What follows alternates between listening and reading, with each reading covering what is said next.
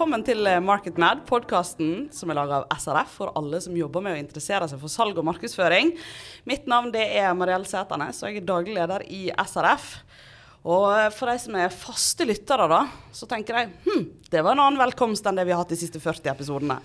Og det stemmer. Etter 40 episoder som programleder for MarketMad, så gir Ina seg som programleder. Men i motsetning til eh, podkasten til eh, Sofie Elise og Fetisha, så er det ingen dramatikk bak dette skiftet her, da.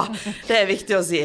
For um, Ina hun er med oss i studio. Hun skal få lov å være gjest i episode nummer 41. Velkommen, Ina Stølen, Tusen programleder takk. i Brandity. Tusen takk. Ikke programleder. Nei. Nei.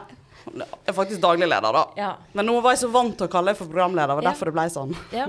Det høres naturlig ut, men den, eh, den ballen gir jeg videre. Ja, Hvordan føles det å få lov å være gjest, da?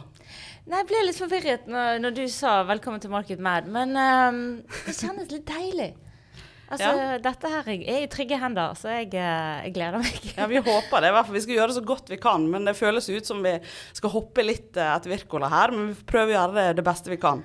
I tillegg så har vi med oss Petter Johnsen fra Soprastera, som også er styreleder eh, i SRF. Velkommen. Takk for det. Og eh, nå er det jo sånn at meg og deg, Petter, vi skal jo dele litt grann på dette her å være programleder for eh, Market Mad framover. Ja, Ja. det blir veldig spennende. Ja, det blir veldig spennende. Og du er jo faktisk allerede i gang, da, for om ikke lytterne vet det. Så har jo du allerede snikinnspilt et par sånn faglige podkaster som skal komme etter sommeren. Det stemmer. Jeg gleder meg. Og det er det som er fint for meg, da. Det er det at Petter er et veldig godt faglig alibi. Og så kan jeg få lov å stå for de podkastene som blir mer sånn preik. Det syns jeg er nydelig. Fantastisk fordeling. Så eh, da blir det framover sånn at eh, meg og Petter skal dele litt på det. Og så henter vi inn gjester og snakker med foredragsholdere og skal ha et faglig fokus sånn som vi har hatt før. Men vi skal dele litt mer mellom oss. Og så håper vi inn at det ikke blir siste gangen du sitter her og Nei, altså, det, jeg kan være gjest òg, jeg. ja. ja. Og i dag så er det jo litt sånn en overgangsepisode, da. Sant? For dette, vi syns jo det er kjekt å ta deg inn som gjest og gi deg litt stas i dag. Men vi skal jo være faglige i dag òg. Og i hvert fall få lov å synse litt grann om en del tema. Eh, det foregår jo mye i markedsføringsverdenen, eller den kommersielle verden, kan vi si, for det skjer på salgsfronten òg. Ja. Um, masse som beveger seg de siste månedene, kanskje det siste halvåret. Så vi tenkte vi skulle liksom dra litt gjennom eh, hva som er nytt, hva som er utfordrende, hvordan vi ser på ting. da, sant? Og så er jo disclaimeren vi tenker og føler og synser. Eh, og så blir vi alltid glad hvis folk eh, snakker litt imot oss og drar oss opp til debatt, så kanskje vi kan lage oppfølgingsepisoder hvis noen er helt uenig med det vi sier. Ja, heter ikke Market Mad for ingenting. Helt riktig. Her kan gjøre som du vil. Akkurat sånn som vi vil. Er ikke deilig? Ja, det er viktig å velge godt navn i utgangspunktet, så du slipper å legge forventningen for høyt. Det er helt riktig. Market Mad, det kan være alt. um, så jeg tenker at vi begynner litt grann på det som er kanskje det mest åpenbare, da. Det som er liksom det mest åpenbare som har skjedd i verdenen vår, og egentlig kanskje i alle sin verden, er liksom at AI har blitt noe hverdagslig. Noe vi alle sammen eh, har begynt å ta inn i hverdagen vår på jobben, kanskje utenom jobben òg. Eh, og da begynner vi jo selvfølgelig på toppen, og det er jo chat-GPT. Det er der vi liksom er begynt. Hva, hva, eh, hva føler dere rundt den løsningen? Er det noe dere bruker? Bruker dere chat-GPT i hverdagen på jobb? Ja, uten tvil. Det er et, et av flere verktøy som jeg bruker, iallfall, om ikke daglig, så nærmest der. For å ja, spare tid, rett og slett. Skape eh, tekst og eh, innhold som jeg trenger, som rett og slett et, et utgangspunkt for videre arbeid. En slipper å begynne å tenke opp sånn helt fra, fra bånn av, men å få gode utgangspunkt som jeg kan jobbe videre med. Eh, og så er det en disclaimer, så er det jo det at en må, må jo tenke seg litt om å lese ordentlig gjennom det som, det som kom ut i andre enden. Men det har jo det har jo blitt det at en må lære seg å stille de gode spørsmålene, Ja. eller disse her såkalt promptinger, som det heter på godt utenlandsk, Mm. for disse, for ChatGPT for den saks skyld, eller andre. For å få ut god nok informasjon som du kan bruke videre. Men det er jo i markedsføring det vi kaller gi en god brief, er ikke det egentlig? Jo, utgangspunktet. Altså Den chatten blir jo bare, eh, som eh, andre byråer, eh, best når man får en god brief. Mm. Hva er det egentlig du skal ha, eller hva vil du på jakt etter? Men eh, gi noen eksempler, da, Petter. Hva, hva er det du Du sier tekster og sparer tid, men hva for eksempel kan det være? da? Eh, nei, så jeg er konsulent. Eh, mengden med powerpoint-presentasjoner som skal produseres i løpet av arbeidsuka, er ganske hissig. Eh, det å kunne få eh, input Du kan jo be ChatGPT mer eller mindre til å lage powerpoint-presentasjoner for deg, som du bare limer, altså limer makroen inn i powerpoint og får opp all informasjon med, med all tekst i eh, riktige bolker og på riktige sider og alt mulig sånt noe. Eh, det er jo noe som blir ja, jeg bruker eh, ofte. Eh, det å skrive oppsummeringer av aktiviteter, eller faktisk skrive ut si, møtenotater eller eh, informasjon som du har fått. Eh, bruker det til å lage bedre si, utregninger i Excel. Du, altså, du bruker det til alt mulig mellom himmel og jord.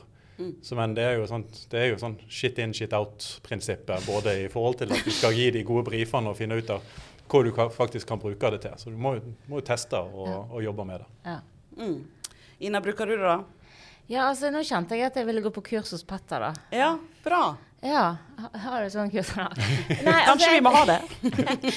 Jeg bruker det på sånn idiotnivå, da kjente jeg på noe. Men eh, av og til er det litt ensom, så snakker jeg med chatten. Nei da.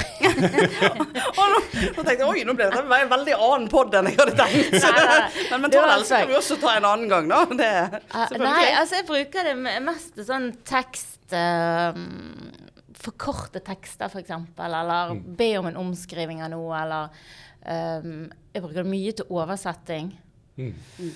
Det er når, men altså jeg må jo innrømme, det er jo bare to uker siden jeg skjønte at jeg kunne snakke på norsk til den der. Jeg har jo skrevet på English nå Ja. i ukevis.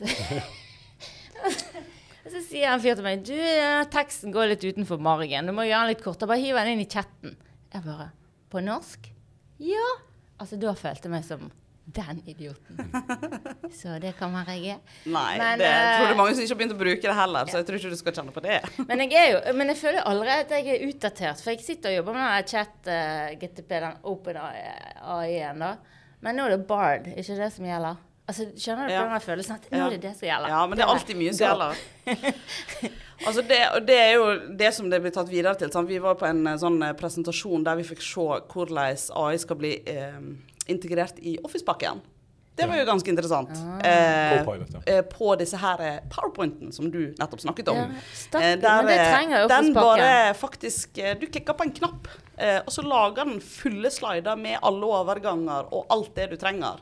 Hvis du har tall inne, så lager den eh, diagrammene ut av det og gjør hele Ja. greiene for deg. Yes, på under ett minutt. Jeg spurte om det forleden dag. Jeg satt der med noen datasett. og heier Hei, igjen. Kanskje du chatten? Kan du lage noen grafer? Det kan jeg ikke, men jeg kan fortelle deg hvordan du skal gjøre det. Mm. sa, Tusen takk, det vet vi. Ja, det kommer i Excel òg. Ja. Eh. At du kan gjøre det så banalt som du vil, og så kan du bruke AI-en til å få fram det du vil. Så det kommer i Word, altså kommer i hele Office-pakken. da. Og det er allerede en beta-versjon ute som mange har fått testet. da. Og det er jo liksom Det kommer jo til å ha veldig mye å si for alle kontorarbeidende folk. Men du sier du har det i Powerpoint. Hva mener du med det, Petter? Nei, altså, Jeg har det ikke i Powerpoint, men at jeg bruker f.eks. ChatGPT til å lage powerpointene. Og så får du, får du makrokode som du kan lime inn i Powerpoint, sånn at den bygger powerpointen for deg. Ellers er det sånn som du sier, Mariel, det er jo andre verktøy som, som har kommet før denne Copilot til, til Microsoft, som lager ferdige powerpoint-presentasjoner med bilder basert på, eh, på eh, denne her eh, Dali og eh, s- eh, tekst fra ChatGPT og bare bygge alt for deg i Google Sheet eller Nei, ikke Google eh, Slides eller mm. Ja. PowerPoint-format eller den type ting. Der er, der er, ja, der er så mange alternativer, det er så mange verktøy. Og noen funker bedre enn andre, men altså, ja, du, sånn som du sier, det kommer noen ting hele tida. Jeg vet ikke hvor mange da, lanseringer der er i uka av, av eh, AI-er. Men er det noen andre du bruker, da? Er det noen andre dere har tatt i bruk utenom eh, ChatGPT? Ja, jeg bruker en del DeepL for oversettelse. Er Veldig bra oversettelsesprogram. Mm. Eh, som- Bedre enn Google Translate? Eh, veldig mye bedre enn Google Translate. som faktisk snakker det språket og har en bedre det, tone og forståelse for setningsoppbygging enn enn mm. de mer sånn direkte oversettelsesverktøyene som er der ute. Ja. OK. Ja, jeg bruker jo chatten til oversettelse, da, men av og til Mm. så tenker jeg, kjære vene Ja ja, det blir jo bra, da. For å si sånn, da. Jeg får jo mye hjelp til sånn punktum og kommasetninger. men eh, eh, ja, altså nå er jo vi på sånn hallelujamodus, og vi tror liksom Og Å, nå skal dette løse jobben for oss. Men det krever jo at vi har kritisk tenkning, både til å uh, vurdere det som kommer ut, om dette er bra eller om ikke bra. sant? Så det blir litt sånn her ubehagelig å tenke på de som tror at alt som kommer ut, er korrekt eller uh, bra. Altså Ja, du, må ha, du må ha et Si hvis du snakker om fag, da. Du må ha en fagperson som må eh, lese gjennom eller sikre kvaliteten på det. Du kan jo bruke AI til å skrive kode.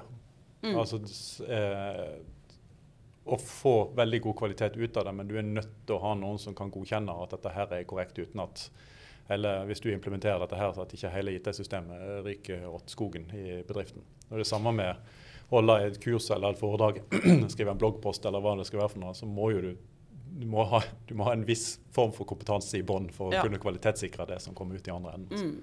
Det. Og det er jo det som eh, er litt sånn spennende hvis vi beveger oss over på den andre AI-en det har vært litt mye snakk om. Eh, da er vi jo på eh, Snapchat sin AI. Sant? Alle sammen har fått opp en uh, figur som alltid ligger øverst i loggen Det din. irriterer meg. Hvem Ja. er du, tenker jeg? Er vi venner? Ja, ja han, du får ikke ta han vekk som venn, i hvert fall. Den, uh, den avataren som ligger der. Men uh, den er jo ganske annerledes, da. Enn det som vi snakker om nå, i forhold til liksom, kontorverktøy og jobbverktøy og sånne ting. sant? Så um, Hva gjør den, da? Ikke den er jo den høyst tvilsom på informasjonen den leverer ut. Eh, For der vi kan liksom i stor grad kanskje ha følt at eh, ChatGPT gir oss i hvert fall noenlunde kvalifisert informasjon og korrekt, og sånne ting, så kan jo den eh, ja, vippe opp helt falske nyheter, fordi den bruker det også inn i liksom sin kildeinformasjon.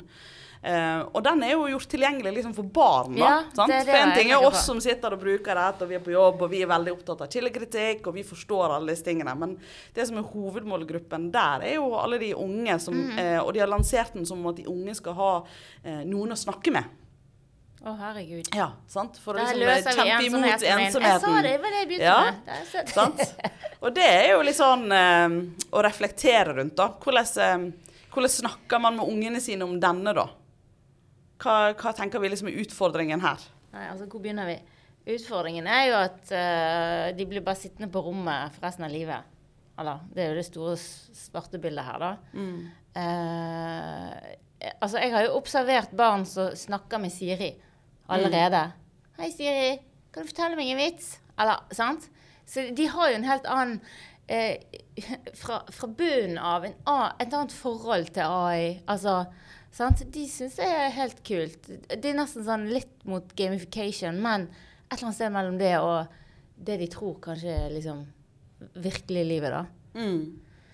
Så jeg kjenner på så mye ubehag. Ja, for det er altså. jo liksom bilda ut som en person, da. Fordi om den tegner avatar, på en måte, så er jo det på en måte en person som du kan gi et navn sant? i chatten din, og den kan sende deg liksom uoppfordra chatter òg, sant.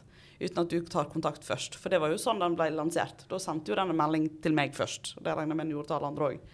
ja. Så det er jo en annen måte å snakke med noe på. Ja, og, men samtidig da, så får jeg sånn Det, det er jo et paradoks i all denne nettvettgreien du prøver å gi til barnet. sitt. ikke snakk med de der som tar kontakt så du ikke vet hvem er. liksom. Det kan være en mann som har gjemt seg bak en kvinneprofil. Altså, sant? Alt, men nå begynner vi virkelig å si å ja, nei, det er greit hvis det er en avatar fra, fra Microsoft, liksom. Da er det ikke en stygg fremmed eh, Nei, jeg vet ikke. Mm.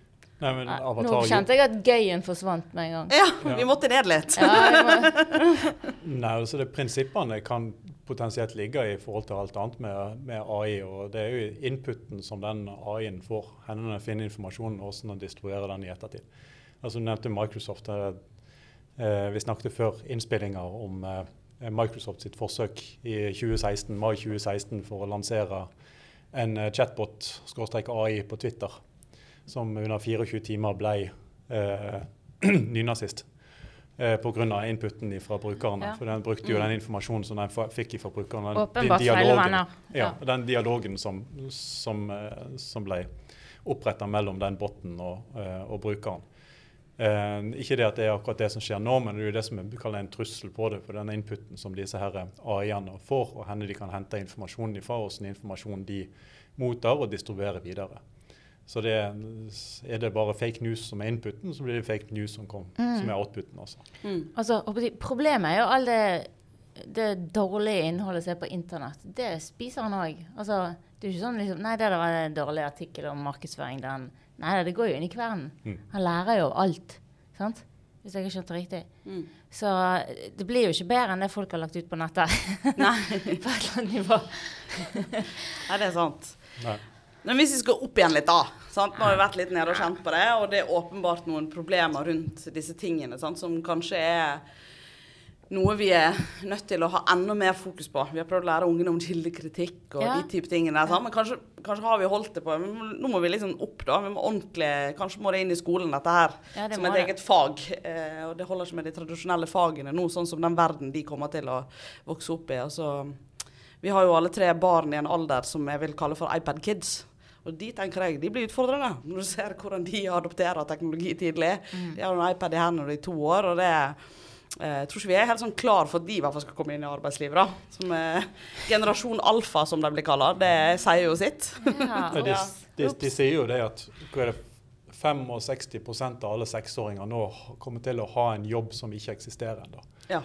Så det, vi har jo egentlig ikke peiling på hva som, hva som kommer der frem, og hvordan en skal forberede, men at det, at det er noe mer teknologidrevet enn det som var min realitet når jeg, når jeg putla på med min kommandore på slutten av 80-tallet 64 eller 128? eh, 64. ja. Oh, Gud, jeg vet ikke hva det er engang. Og så eh, over Amiga før jeg fikk råd til å måtte nesten selge huset for å få en PC på 90-tallet. Ja. Så det, det, det er mye som har skjedd, og mye mer tilgjengelighet. Og, Ja, men du har jo òg en jobb i dag som ikke du kunne forestille deg når du var barn. Og da, dine foreldre har sagt nei, de jobbene i fremtiden, de fins ikke. Nei. Sånn. Ja, ja, nei, det, til en viss grad så er det helt, helt korrekt. Ja. Ja. ja. Men, men det jeg syns kanskje liksom Nå går jeg litt ned igjen, men, men altså, jeg spør jo av og til, liksom Hvis jeg har skrevet en anbefaling altså, i, i min jobb, da altså, Kan vi bli erstattet? Det er jo frykten òg her, sant? Eh, og jeg tror mange unge går rundt og tenker jeg, jeg kan jo ingenting, og dessuten nå kommer denne chatten og bare løser alt. Så, så jeg tror de får en sånn dobbeltfrykt. Kanskje de som er sånn 20-25, eh, som ikke har liksom levd en stund og jobbet en stund, sant? de føler kanskje at eh, de er sjanseløse. Men eh, poenget mitt liksom eh, Hvis jeg har skrevet oss si, en anbefaling om en posisjonering f.eks. For, for merkevare, og så spør jeg chatten da Ja, hva syns du da, chatten? Liksom, hva bør dette merket satse på i dette markedet? Sånn og sånn. Sant? Bare for å sjekke, liksom. Har du noe å by på? Over, i, utover dette her. Sånn. Og da liksom kjenner jeg på sånn her, litt sånn lettelse, for da kommer det ut litt sånn Det som min lærer på gymnaset hadde kalt for GPP. Det er Ja. litt sånn Ja, stort sett i dette markedet liker folk eh, varme boller og kald brus. Altså liksom ja, sånn, du bare- Banale ting. ja, jeg bare 'Tusen takk for alt jeg trenger å vite. Min er bedre. Goodbye.' Liksom. Ja. Fordi at han, chatten har ikke vært der og kjent på det og sett på det og tord å liksom Jeg vet ikke. Det er noen nyanser som forsvinner da. Ja, så er det jo historiske data, sant? så den er jo ikke på en måte Nå er vel den versjonen vi bruker nå er vel opp til 2021 av data. Eh, den henter fra, Sånn, så det er jo heller ikke de aller nyeste dataene den tar inn. Eh, og i tillegg så er jo den ikke liksom eh, Den er jo ikke særlig kreativ, og den er heller ikke eh, Kan vel ikke si at den er innovativ heller, for den baserer seg jo bare på ting som Ja. allerede er der ute. Ja. Men det, det, det er bare en liten varseltrekant for å kaste, den inn. Re- Ref eh, chat G- GPT. er jo det at En må være litt forsiktig med hva en putter inn av det på spørsmål. Fordi at Han lærer jo av alle spørsmål og han inputen han får. Så hvis du skriver det eh, uh, eh, brandet eh, som er en sånn og sånn bedrift med en omsetning på det og det og det, Ja. eh, som gjør disse tingene her, hvordan kan jeg forbedre omsetningstallene eller salgene mitt, eller hva det skal være for noe, Ja. så vil den ta den informasjonen. Så når jeg gjør et søk På på, branded i, og spør liksom hvordan stiller samme spørsmål, så har han lært av den inputen og vet, kan da gi meg informasjon om hva din omsetning var pga. at du la det inn. Ja. Så du må være litt, grann, litt grann skeptisk til Du kan plante tingene ting inni der. Jeg skal skrive veldig høy omsetning. Ja. Veldig suksessfull og litt sånn adjektiver der som Ja, altså, fordi det er jo den nå Og da er vi er- over på fake news. Ja, det, det er jo ikke det med den omsetningen? Men, men for å ta den videre, da. På den vi, vi går nå og googler ting. Ja. Altså vi skal kjøpe et produkt. Eh, skal kjøpe en ny mobiltelefon. Eh, men hva er det som hindrer nå og i framtiden til å bare spørre ChatGPT hva er den beste mobiltelefonen, og henne kjøper jeg den. Ja. Så at den sier det at det er en iPhone et eller annet som kan kjøpes på eh, Elkjøp. eh, El- Elspekt, eh, eller eh, hva det skal være for noe, så ja, så, så kan jo du eh, måtte tenke på hvordan du konsumerer og hvordan du finner informasjoner på en potensielt helt ny måte. Ja, eller som markedsfører, da. Hvis du skal selge den telefonen, kan du sitte og mate denne chatten med informasjon om at kjøp den alltid hos oss, og Mm.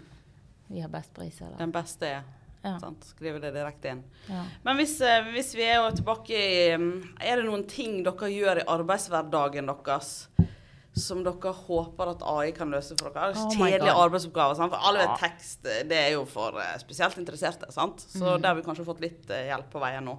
Men hva er det vi liksom ønsker oss av AI-fremtiden? Altså, Der jeg håper det blir brukt øh, raskt som rakkeren, da, det er sånn kundestøtte.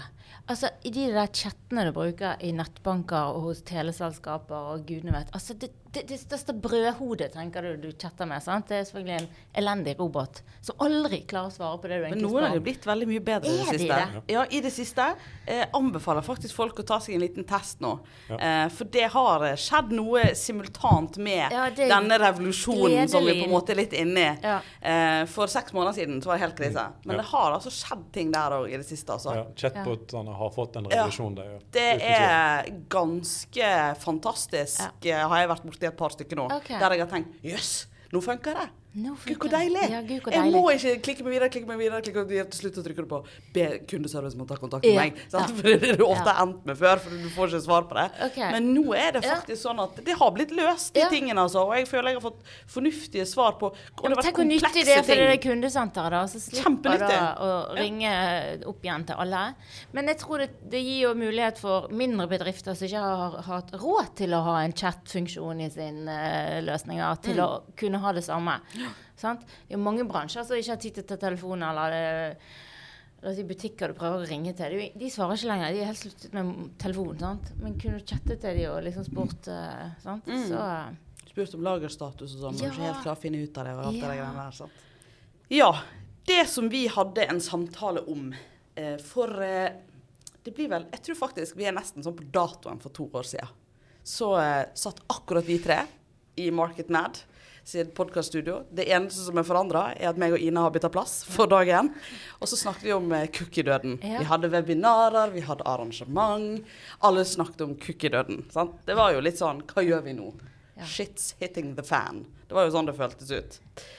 Og nå er jo liksom to år etterpå, da, så må vi jo kunne si liksom sånn Hva er egentlig status? Kokte det ut? Det, har det skjedd noe? Ble det så krise som vi trodde det skulle bli? Eller ble det ikke så krise? Har dere noen oppfattelse av hvordan folk har forholdt seg til dette? Jeg tror at eh, det for enkelte, sånn som vi nevnte sist gang for et år siden, så er, ble det krise. Fordi de som er ekstremt avhengig av den type data for å få gjort de kalkulasjoner eller de aktiviteter som, som de har historisk sett kunne gjort, eh, de mangler veldig mye. Og så har det blitt gjort tiltak med å eh, endre måten man bruker disse her, si, webanalyseverktøyene på. Eh, så har du hele denne krisa i, som faktisk er krisa med rundt Google, eh, og bruk av Google Analytics. og overgangen til Google Analytics 4, som nå er liksom er 14 dager unna. Eh, så det er veldig mye som skjer, og det, er liksom, det, det er en konstant endring som, som vi, jeg tror at vi kommer til å se videre nå. Det er mange som vil få et mer bevisst forhold til det, og så er det noen som om ikke stikker hodet i sanda, men de kjører som en har gjort før, og så er de ikke så nøye til at den dataen som en får ut i andre enden, er så 100% Det går Nei. greit med at det er mindre. At det er aggregert, eller hva det skal være for noe. Men de er så veldig sånn her eh, cookie-avhengige, da. eh, hva har de gjort annerledes? Altså, Hva er liksom typiske ting de har endret på eller gjør på en annen måte enn før? Nei, altså Alle disse leverandørene, om du kaller det for Meta eller hvem det er for noe, de har jo endra sine plattformer Ja. til å følge med på dette her. Så de, Mm. de, de, eh, det For å bruke det ordet service-side tracking, med at du får installert eh, trekkingkoder og sånt på, på servernivå og ikke ligger i nettleseren, det er jo noe som har okay. som har hjulpet veldig mye for å få mer korrekt data. Eh, og så er det eh, Og det er lov, liksom? Det er fullt lovlig. Mhm. Eh, du må bare, det må bare gjøres korrekt, og det er en større, større operasjon enn det vi har vært borti tidligere med å bare putte en, en Ja. piksel inn på, i, på nettsidene. Ja. Men så der er, der er, der er endringer som skjer hele tida, og der er løsninger som kommer. Og alle annonsørene eller annonseplattformene de gjør endringer for, oss å- for å eh, ikke miste så enorme mengder med kunder til det. Og nå skal vi ikke gå inn i hele metadiskusjonen i det hele tatt. Det blir en annen gang. det blir en annen gang. Men der er, eh, der er, der er fremdeles mye som skjer. Og der er stort spenn i hvor eh, langt forskjellige bedrifter har kommet i akkurat å ta det inn over seg. For som sagt, som jeg innleder med det, der er noen som det er kjempeviktig for, og andre som det ikke er så skrekkelig viktig for. Eh, og så kommer annonsører med løsninger som det, Vi nevnte jo det Schibsted og media og det hele bøtteballetten Ja. som gjør, kommer med løsninger som, som kan utnytte eh, kalle denne her cookie-døden, eller som får enda mer igjen for, for det med denne her cookie-døden. Mm. Så om du skal kalle det for at det er en død, men det er i hvert fall Et gøyt ord, da. det, det er et veldig gøyt ord. Det er sånn, ja. Men, men Ina, vi snakket jo i denne podkasten òg om liksom skifte til eh, merkevarefokus Ja. og merkevarebygging. Ja. Du som jobber litt grann, eh, mot eh, litt mer de som tenker kanskje de banene sånn i utgangspunktet, merker du er det mer fokus? Altså, jeg er litt usikker, for det, jeg satt akkurat og tenkte på det. Og så eh, er det jo flere som sier nei, nå må vi tilbake igjen, og nå må vi ha ting ordentlig. Og spesielt i forhold til den eh, chatten, altså den AI-en òg. Altså, så ikke alle skal bli vanilla her. Sant? Så må du jo faktisk virkelig skjerpe deg og lage en tone of voice og hele pakken. Virkelig. Fordi at hvis du bruker den chatten så mye, så vannes jo det der ut og blir sånn GPP. Sant? Så jeg vet ikke om, om jeg, jeg, jeg håper jo det, da. Men eh, det er jo litt sånn Jeg tror mange sitter og sliter med liksom å klare å lage et godt verdiforslag for det de egentlig tilbyr. Sant? Som er liksom startskuddet for å da skulle bygge en merkevare. Hva er det vi egentlig skal gi til hvem? Vi må vite hva målgruppene våre har. her, Sånn. Eh, der ser jeg veldig mange flere sånn Å, vi har ikke et godt nok verdiforslag. Vi er ikke spiss nok. Vi er ikke tydelige nok. For alle de diskusjonene som følger når du har besluttet noe sånt, blir så mye enklere. Da vet vi hvem vi skal snakke til. Vi vet hva de vil ha. De, da blir det mer oppgaver. Og da om de da skal være heldigitale, eller om de skal være andre aktiviteter, det, da har du på en måte liksom frihet til å bruke alt i verktøykassen. Mm. Så jeg tror det er en bevissthet da, rundt det der. Posisjonere seg tydeligere og ha et bedre verdiforslag. Og det er liksom Det er jo alltid vanskelig, sant? Ja ja. ja da. Det jo, vi var jo på en måte litt glad. Men så var det litt vanskelig òg. Ja, det er Så det er noe med det. At Det eh, vi var litt sånn hurray, Ja. nå skal markedsføringsfaget stå opp igjen. Ja. Nå skal det ikke bli alle disse trebokstavsforkortelsene. Nå skal vi få lov å kose oss med det. Så var det sånn Å ja, stemmer. Det var jo utrolig vanskelig, det. Ja, grådig vanskelig. Vi må velge vekk, og vi må gjøre ting, og vi må skrive bra. Og, men nå er vi blitt litt hurray igjen, for da bare hiver vi inn i chatten, og så håper vi 'How to position my brand in Norway', som du nå kan skrive på norsk.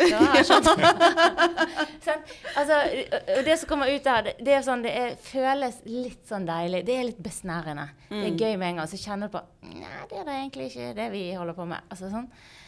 Men, men jeg tror jo det der I alle disse teknologiene som kommer, og endringene som skjer, så, så må vi kanskje tenke på kundereisen på en ny måte. Hvordan kan vi flytte salget vårt da, nå sier jeg det som det er, hvordan kan vi flytte salget vårt lenger frem i kundereisen?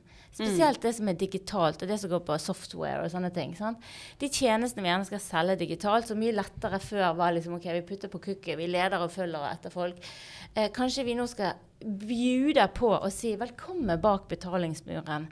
Her har du en freemium-versjon istedenfor liksom bygge liksom den der siste kneiken så høy. Bare si vær så god, kom inn og prøv gratis. For det første trenger ikke bruke så mye penger på markedsføring. Eh, og hvis ikke du liker produktet etter 30 dager, eller, sånn, så har du jo ikke likt det likevel. Mm. da vil du forlate. Eller hvis vi er gode nok, så er de hekta og kan ikke leve uten. Så da begynner de å betale. Sant? Altså du liksom flytter inngangen i salget ditt, som endrer på en måte eh, hvordan du selger. da. At du har mer tid til store, krevende kunder, og de der små kan betjene Ja, betjene det er sjøl. utrolig mange apper som er sånn nå for tiden. Ja. Utrolig mange som har sluttet å på en måte ta betalt for appen. Ja. Eh, fordi da vil du jo bare lete etter den som er gratis. Og så har de sånn her Jeg lastet ned en sånn her Identifiser denne planten. Fordi eh, en av naboene mine var litt redd for at ungen hadde blitt forgiftet. Ja. Eh, og han var kjempestresset for dette her. Og så sa jeg ja, men da finner vi en app, sant. Og da var den sånn gratis i bare tre dager. Og etter det så kostet han jeg tror det var liksom 150 kroner i måneden. Det var ganske dyr etter det. Ja. Men eh, jeg fikk jo lastet den ned, og den funket, og det var ikke giftig, så det gikk bra. Ja. Eh, men så kansellerte jeg det, for at jeg var jo ikke den sånn. Men jeg tenkte liksom «Hm, Hvis at jeg blir sånn, skal jeg ha den der. For den var egentlig, så kan du legge sånn varsling på Ja. tid du skal vanne. Ja. Jeg ble litt sånn. Kanskje den ikke var så dum allikevel. Så jeg må bare vokse litt på meg, da. Men nå er jo liksom den jeg tenker, for den har prøvd å hjelpe meg med noe. Mm. Men da tenker jeg den dataen som er interessant her, da, det er jo liksom hva type kunde er du? Som ikke driver med gartneri og mm. bi- big time, antar jeg. Nei, på ingen måte. Var det den ene planten du har? Nei, det var faktisk naboen sin. Ja, men Da er det jo viktig å sitte der med det verktøyet og kjenne på Nå holder hun her på å glippe. Fordi at hun har bare tatt bilde av denne ene mostera-planten eller hva den heter, til naboen. sant? Og kjenne på de kundedataene der sier noe om at hun kan ikke betale 150 kroner i måneden. Da forsvinner hun. Mens de der megastore potensielle kundene her, da, de må vi ha en annen pakke til. Sant? At du da begynner å At du har produktledet salg. At det er der du begynner å jobbe med må, på en måte målgruppejobbingen. nå. Eh, det tror jeg kan være liksom Det er heller ikke enkelt. sant? Da må du ha dataene, og du må bruke de til noe. Og, og tørre å utvikle produktet hele tiden. Og ikke tenke nå har vi laget den appen, og her, det koster den, og ferdig med den. Men at du, du, kan begynne å, å segmentere og si oh, light user og heavy user, eller proffe kunder versus private kunder. Og så bygge liksom prismodeller og, og tjenestene rundt det. da. Og det kan du legge på gradvis. Når du har begynt med den gratis sant? sant? Eh, så kunne jo de sagt hvor mange features vil du ha? Sant? Det er jo sånn de gjerne jobber. Du trenger gjerne ikke hele pakken, og dermed kan du få en annen pris. Altså. Men, men det skjer utrolig mye forenkling hvis du åpner opp den her eh, betalingsmuren, da, for å si det sånn, for inn, inngang av kunder. Det kan være du får masse rusk og rask inn der som forsvinner ut igjen. Men, eh, men OK, da har i hvert fall folk fått en sånn gratis smakeprøve. Eh, og liker de det, så blir de. Og hvis ikke, så må du lage et bedre produkt. Ja da. Nei, men det, det er jo nesten en sånn oppfordring, det der. Eh, å si det. Se om du kan flytte salget til tidligere i kundereisen. sant? Eh, En ny måte å se det på. Eller ikke salget, da. Eller inntekten kommer jo seinere, da. Ja, ja, men eh, hookingen av kunden. Ja, sant. Idet de på en måte signer opp og liksom Nå er jeg innafor.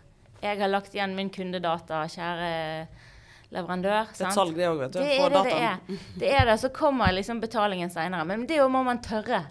Det er da ikke alltid stå der dra i pengene først. Og så, sant? Vi har en del sånne gamle ideer om Mm. Ja, ja, ja. Salg. for å selger vi oss for billig. Det kan man jo veldig ofte høre. Ja. Blir det liksom, Gir vi vekk produktet vårt? Ja. Går det utover merkevaren hvis vi gir det gratis en periode? sant? Mm. Det er jo ofte sånne diskusjoner som blir tatt opp når man snakker om de tingene der. Men med en gang du kaller det for freemium, så høres det mye lettere ut å gjøre det. Ja, nei det er Freemium versjon. popper opp en sånn her eh, nå freemium overalt nå etter denne Ja. podden her. Ja, ja. Nei, jeg tenker at eh, vi har vært innom mye. eh, og jeg tenker er en fin sted å runde litt av nå. Og så må jeg bare si tusen takk, Ina, for at du har vært eh, programleder for MarketMad i 40 episoder. Det er stamina, det. Ja. Så det må vi bare si tusen takk for. Vi er veldig glad for at du har gjort det. Og Det har vært en sann glede. Altså, jeg har møtt så mye spennende folk og så mange gøye samtaler. Jeg har lært veldig mye. kommer jo inn i blanke ark hver gang. Snakker med nye folk. Eh, og blitt kjent med nye folk, da. Det er jo veldig gøy. Jeg har blitt kjent med utrolig mye spennende, flinke folk. Så eh, det har vært en glede. Vi har lært masse, vi også, som har lyttet på oss. Vi er veldig takknemlige for at du har gjort det. Og så skal meg og Petter prøve å bære det videre så godt vi kan nå framover. Det går Og så håper vi at du har lyst til å komme tilbake i ny og ne når vi trenger å ha en eh, preik om ting. For det er jo en ting vi skal fortsette med, i Market med. Det er å ha litt, eh, noen episoder innimellom der vi bare preiker litt om det som foregår. Eh, kanskje vi tar opp litt caser. Så vi vil gjerne ha tips fra lytterne våre hvis det er noe dere har lyst til at vi skal diskutere. Så tar vi det med oss inn i episodene framover. Og så kommer Petter tilbake med eh, gode foredragsholdere som han intervjuer, og fagpersoner. Eh, så vi får eh, liksom en som er sterk faglig med oss eh, framover òg. Det er vi veldig glad for, Petter. Så tusen takk for at du har lyttet. Eh,